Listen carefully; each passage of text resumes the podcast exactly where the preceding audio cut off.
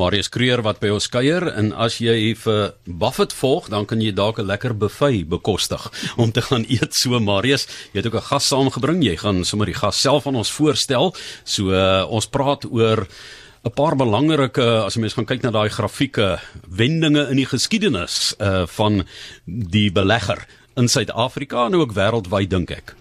Ja, goeiemôre uh, Johan luisteraars. Ehm um, Kobus Sieberage is vanoggend my gas. Hy sal 'n hele tydjie afgetree uit die koöperatiewe koöperatiewe wêreld uit en ek wil sommer vanoggend 'n bietjie later met hom gesels oor sy ervaring van die van die markte die afgelope tyd en miskien ook sommer die afgelope 15, 18 jaar wat hy al afgetree is. Maar eerstens wil ek so 'n bietjie 'n paar beginsels gee wat Warren Buffett gegee het uh 'n tydjie terug, eintlik laas jaar wat hy sê wat moet 'n mens doen in onstuimige onstuimige markte? En dit is mos nou maar waar ons gewees het die afgelope paar jaar, alhoewel Januarie was nie 'n slegte maand vir ons gewees nie. Eerstens het hy gesê, jy weet, mense moet aanvaar dat die dat die aandelebeurs en markte is onstuimig. En dit is nie vreemd dat die S&P 500 byvoorbeeld 23% in 'n jaar daal nie. Ehm um, die goeie nuus is dat markte mens verras ook baie keer na die bokant toe. En dat 'n mens baie keer ook nie verwag dat jy 25% opswaai gaan kry nie. Tweedens sê hy dit is nodig om 'n langtermyn uitkyk op die mark te neem en dat die mark se langtermyn rigting is altyd een rigting en dit is opwaarts. Met ander woorde, as 'n mens in markte belê, moet jy weet oor die kort termyn gaan jy onstuimigheid kry. Jy moet weet daar gaan verliese wees oor die kort termyn. Maar jy moet ook weet as jy langtermyn inbly, gaan jy goeie opbrengs kry gemiddeld.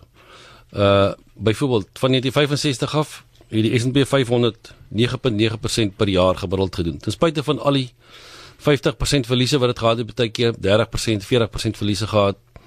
Ehm um, het dit nog altyd opbeweeg en ja, dit sou jy sou 'n baie goeie belegging gehad het as jy so lank belê was. En die self die ergste val in die mark het geen effek gehad indien mens meer as 10 jaar belê was nie. Uh en ons kan daarso 2008, 2009 as 'n voorbeeld gebruik. Derdens, een van die derde dinge wat hy gesê het is 'n korreksie in die val of 'n val in die mark is nie noodwendig sleg vir vir langtermynbeleggers nie. Dit is net by die aandelemark waar mense weghardloop as daar 'n uitverkoping is. Uh gewoonlik sien 'n mens dat as mense hoor van 'n uitverkoping, ons het mos nou die afgelope so tydjie terug hierdie Black Friday gehad, Johan, of Swart Vrydag, het mense gaan slaap by die winkels en tou gestaan. Maar as mense in die aandelebeurs belees en die beurs val, dan hardloop hulle weg, raak hulle bang. So dis nogal interessant. Uh Fidens het hy gesê mense moet in 'n in 'n posisie wees dat jy kapitaal beskikbaar het as daar uitverkopings. Jy help nie gaan na 'n winkel toe en jy het 40% afslag op goedere wat jy wil koop, maar jy het nie geld in jou sak nie. So jy moet altyd in jou portefeulje 'n bietjie kry droog hou, jy moet die kapitaal hê om sulke tye te benut en dan kan jy natuurlik die opswaai vang. En dan die feitens is maar net mense moenie paniekerig raak nie. Ehm um, die meeste mense wat aandele verhandel in die verlede wat koop en verkoop doen swakker as die beurs omdat hulle na verkeerde tye. Hulle probeer koop as almal geld gemaak het of geld maak as jy sien ander mense maak geld en dit is maar groot ons maar gewoonlik sien met die sogenaamde Ponzi skemas ook. Daar kan mense net nie uitbly nie. Dan wil hulle deel raak van die van die partytjie en dan is dit gewoonlik te laat. En dan as mense paniekerig geraak soos in Desember byvoorbeeld nie uitverkoop dan verkoop jy gewoonlik op 'n laagtepunt. Uh mense wat byvoorbeeld Desember maand in 'n geld maak gegaan het het omtrent 14% opbrengs reeds verloor in die in buitelandse mark en omtrent 6-7% in ons mark. Dis amper dubbel wat jy kan kry na belasting in 'n geldmark. En uh met dit bietjie as agtergrond wil ek nou 'n bietjie vir Kobus inbring. En uh vir 'n bietjie vra hoe hy hoe hy sy kom ons sê sy beleggingstyd ervaar uh in hierdie tydperk want ek ben nou was tye gewees 2003 krisis 2008 2009 subprima krisis asook laas jaar se markdalings En dan Kobus, watter watter emosies het jy het jy ervaar daai tyd? Nou, dankie Marius. Ehm um, ek ek dink net ter ter aanvang wil ek net sê dat ehm um, wanneer ek as 'n kliënt 'n bietjie van my ervaring deel, dan aanvaar ek dat mense verskillende prentjies het en verskillende ervarings het en dat mense verskillend reageer op hierdie tipe krisisse. Ehm um, jy het genoem dat ek 18 jaar gelede afgetree het en dit is 'n bietjie jonk geweest toe. Ek het so 10 jaar gelede het ek uit die koöperatiewe wêreld uitgetree. 2008 en ek sal nooit vergeet ek het die 30ste September 2008 het ek uit die gesolideerde omgewing uitgetree. En 30 September en die 1 Oktober 2008 het die wêreldmark in duie gestort. 'n Dag nadat ek uit uit die koöperatiewe wêreld getree het. Dis omdat jy uitgetree het. ek wil dit nou nie self gesê het nie. Ehm um, en ehm um, en dan word jy gekonfronteer met 'n ongelooflike krisis want jy het 'n bepaalde beplanning gedoen. En ewe skielik dan val daai ehm um, uh, ek, ek wil amper sê jou jou jou jou plannetjie wat jy gemaak het is nie meer so van toepassing nie. So enige krisis dink ek is sleg. Ek dink dit is onaangenaam. Ek dink as 'n ou die angs wat gepaard gaan met krisisse wil ontken, dan is dit dalk ook gevaarlik. Dalk moet jy die emosie van angs erken, want dis gewoonlik wat daartoe lei dat jy verkeerde besluite neem. Ehm um, ek dink die hoe jy reageer op die krisis is amper belangriker as die feit dat jy 'n krisis ervaar, want ek dink krisisse in die beleggingswêreld uh gebeure in die beleggingswêreld is 'n realiteit. Ehm um, en daar was drie goed wat ek op daardie stadium na moes gekyk het. Ek het 'n bepaalde strategie gehad met my beleggings.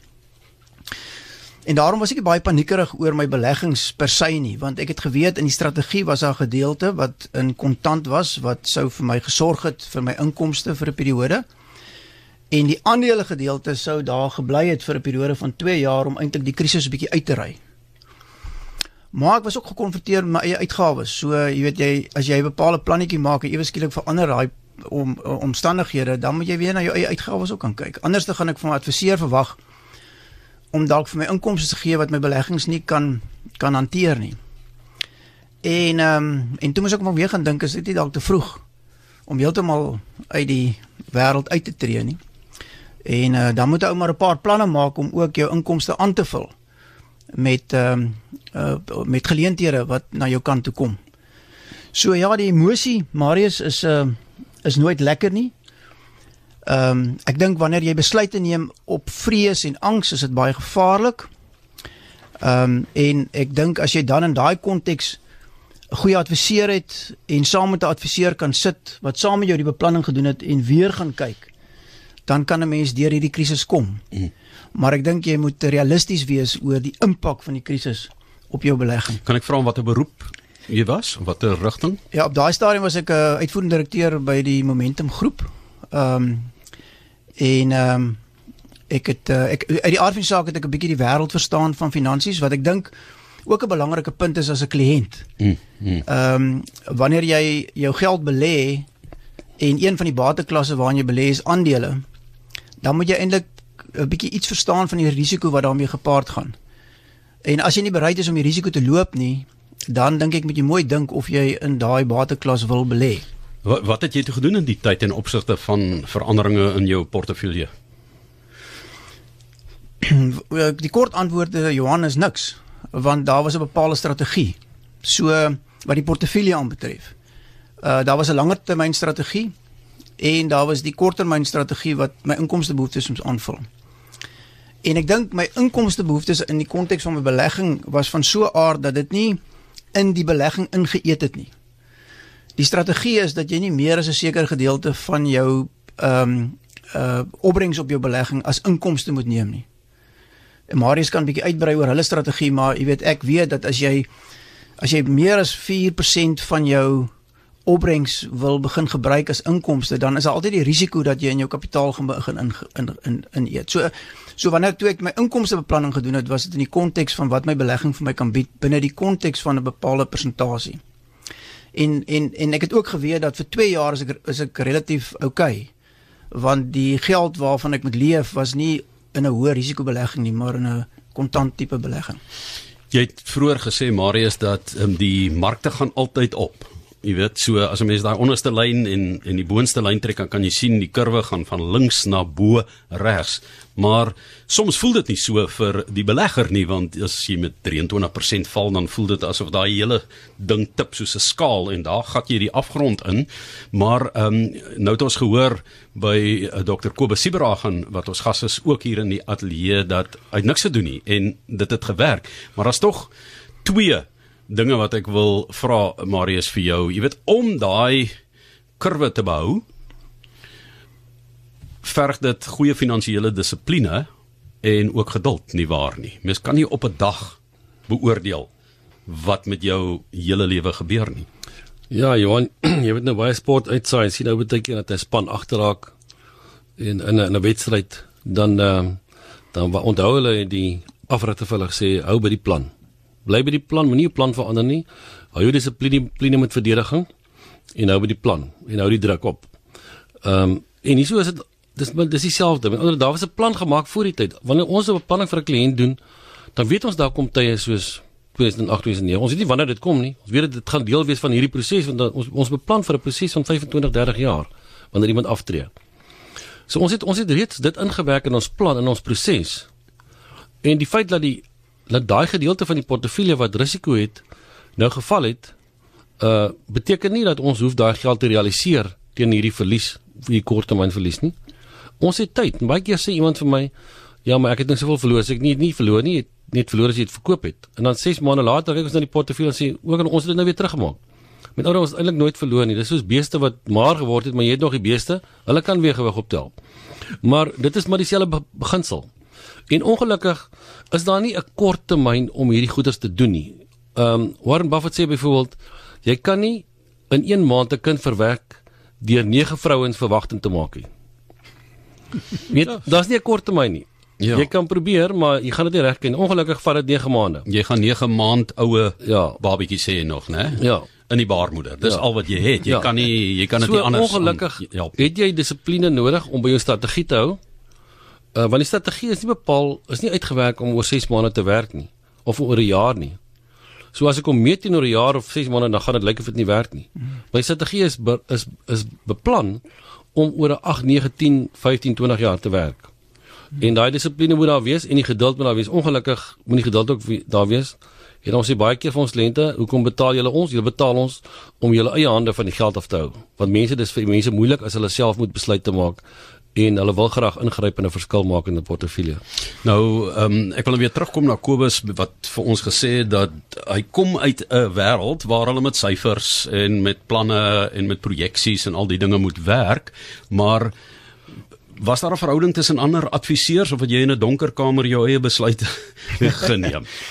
ek is ek het nooit op my eie ehm um, hierdie besluite geneem nie, die strategie bepaal nie. Ek ehm um, die bestaande adviseur wat ek heidaglik het, is ek 18 jaar by.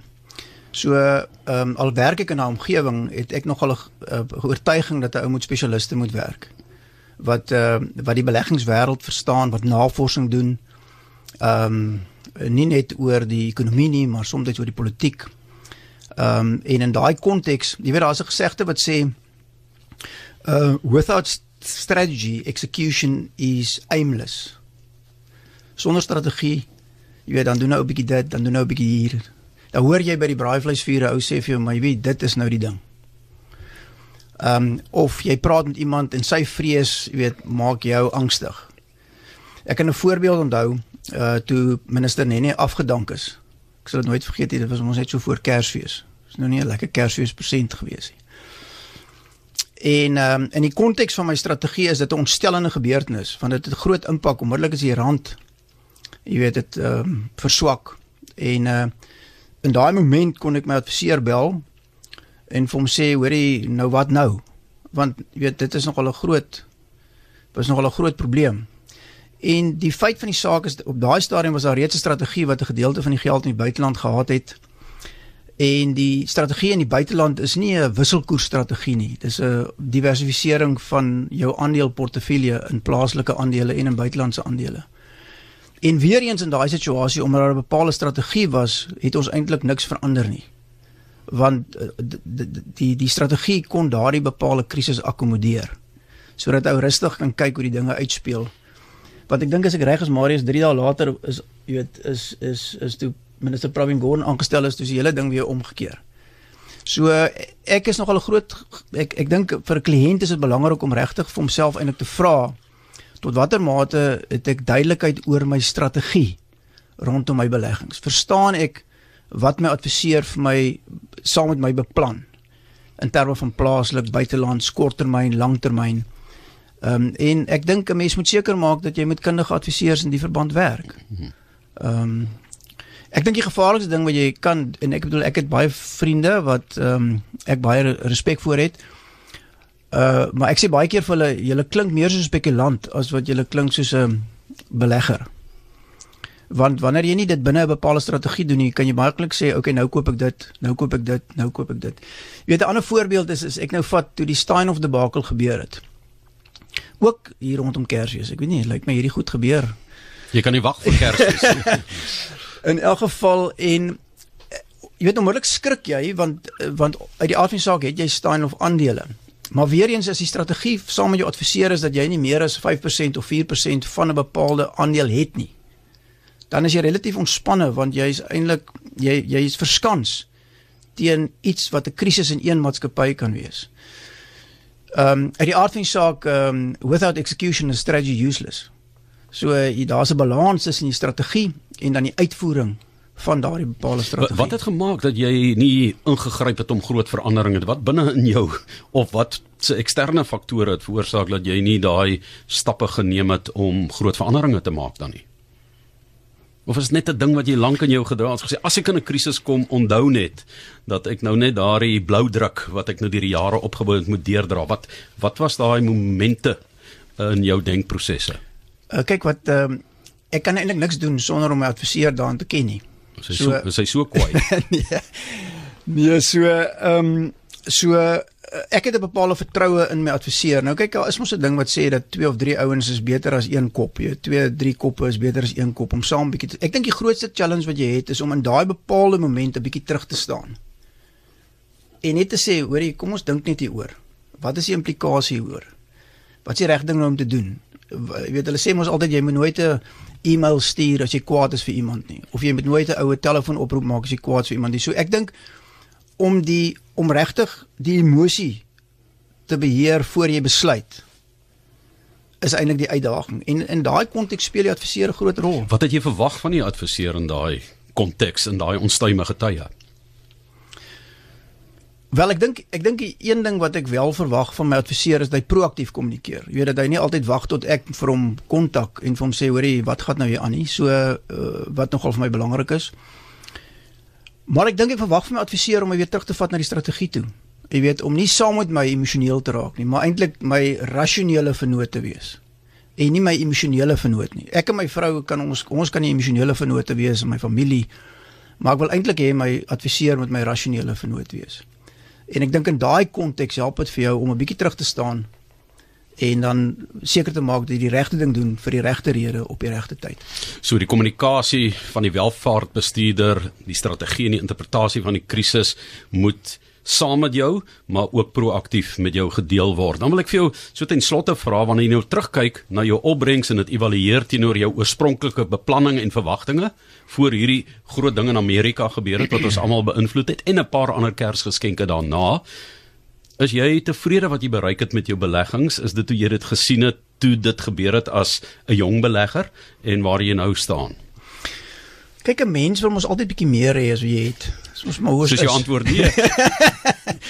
Ehm um, ek ek moet jou sê die laaste 4, 5 jaar, 3, 4 jaar was nogal 'n uitdaging want dit die markte het nie baie teruggegee nie. So om dan oortuig te wees van die strategie, dan het ons ander tipe gesprekke. Maar as ek alles in ag neem, jy weet as ek as ek as ek na my as ek na my 18 jaar kyk, dan het, dan is ek baie gemaklik met die opbrengs wat ek gekry het. Ek dink wel so dat dat 'n mens moet seker maak dat jou verwagtinge in jou strategie met die van jou adviseur oplyn.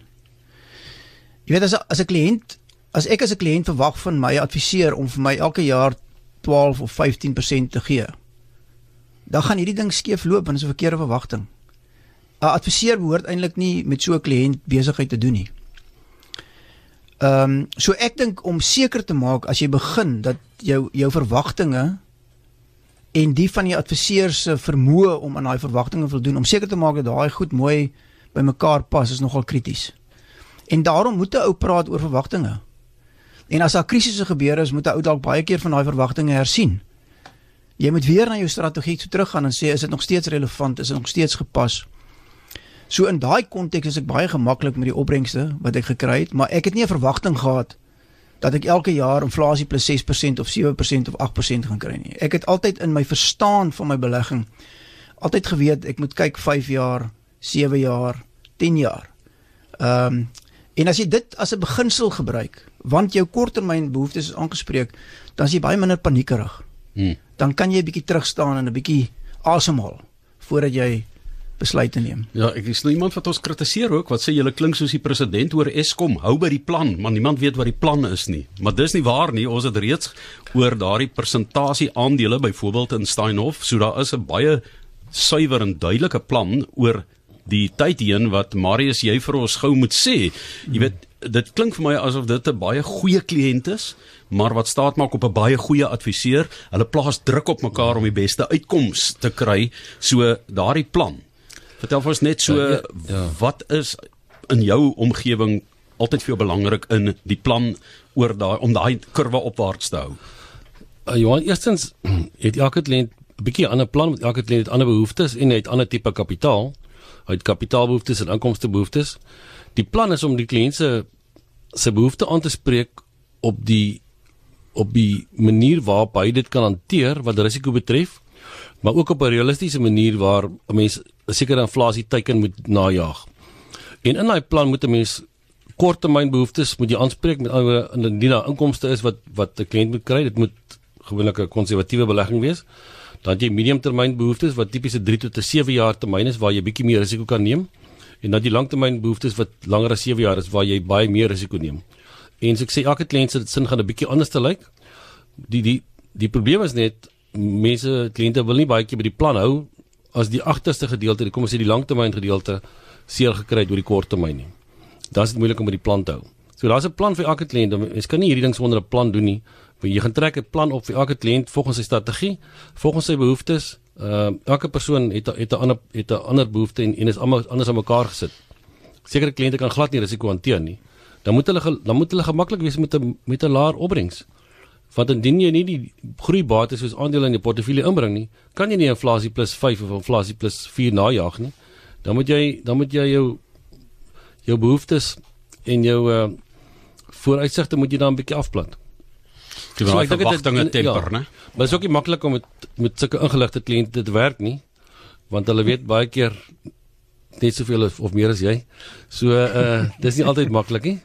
Maar uh dis goed as 'n kliënt die strategie ver, verstaan en die proses, want die- 'n mens vertrou die proses en die proses gaan jou beskerm. Dis nie 'n rigiede proses nie. Dis 'n plan, maar 'n plan kan geskep word. Ek dink nou sommer jy het 'n na 'n sportplan op 'n rugbyveld byvoorbeeld verwys. Dit kan in enige sport van toepassing wees. Jy kan 'n plan hê want jou jou span lyk so. Jy kan nie 'n ander plan, jy kan nie sê kom ons speel 10 man rugby sonder 'n goeie skopper nie. Jy weet 'n goeie losskakel wat wat kan goed skop nie. Hoe, hoe gaan jy dit regkry? So kyk, wat is jou sterkpunte in daardie En as sekere omgewing? beginsels in rugby moet jy verdedig en jou eerste tackle moet tel. As jy dit nie reg kan nie, dan druk die mense moeilikheid. teen jou. Dan nee. Ja. Dat dis 'n beginsel wat jy nooit oorboord kan gooi nie. Beleggings is dieselfde. Daar's sekere sekere beginsels wat geld. As jy dit nie volg nie, gaan jy pak slaag kry. As jy daai eerste tackle mis, val die mark. Ja, so met 23% of En meer. jou en jou en jou afrigter se aandele. Yes, ek wil gou vir jou vra as mense met jou in verbinding wil tree en wil gesels hieroor en ook die die uh amper gemoedsrus wat 'n mens kry van iemand wat dan oor die medium en die langtermyn kon dink soos Dr Kobus Sieberagen as mense met jou wil gesels en ek dink ek het nou weer gelees die naweek baie artikels begin so jonk as moontlik mm. moenie wag tot jy begin jonk want dan jy jy sien jouself verras as jy op 25 en 28 begin om 'n portefeulje op te bou waar jy oor 20 en 25 jaar staan Ja, my seun met die buitekant sit en wag vir my. Hy was verbaas toe ek vir hom sê jy begin nou werk jy van dag 1 af moet jy geld spaar. Toe sê hoekom? Sê ek want jy moet, weet. Want die tyd gaan dit vir jou werk, maak werk. Uh Johan, hulle kan my kontak uh my telefoonnommer 0861348190. Hulle sal of by my Silver Lakes of George kantoor of Mosselbaai kantoor uitkom. Of hulle kan 'n e-pos vir my stuur, marius.kreer@psg.co.za. En uh, dit is 'n uitnodiging van Marius Kreer. Die program is aangebied deur PSG Well Silver Lakes, George Sentraal en Mosselbaai Dias waar Marius Kreer in die ateljee by ons gekuier het en vir Dr Kobus Sieberhagen oor sy persoonlike ondervinding uh, saamgenooi het wat dit met ons gedeel het. Baie dankie, baie sterkte en hou daai kurwe asseblief vir ons opwaarts. Dankie. Maak so.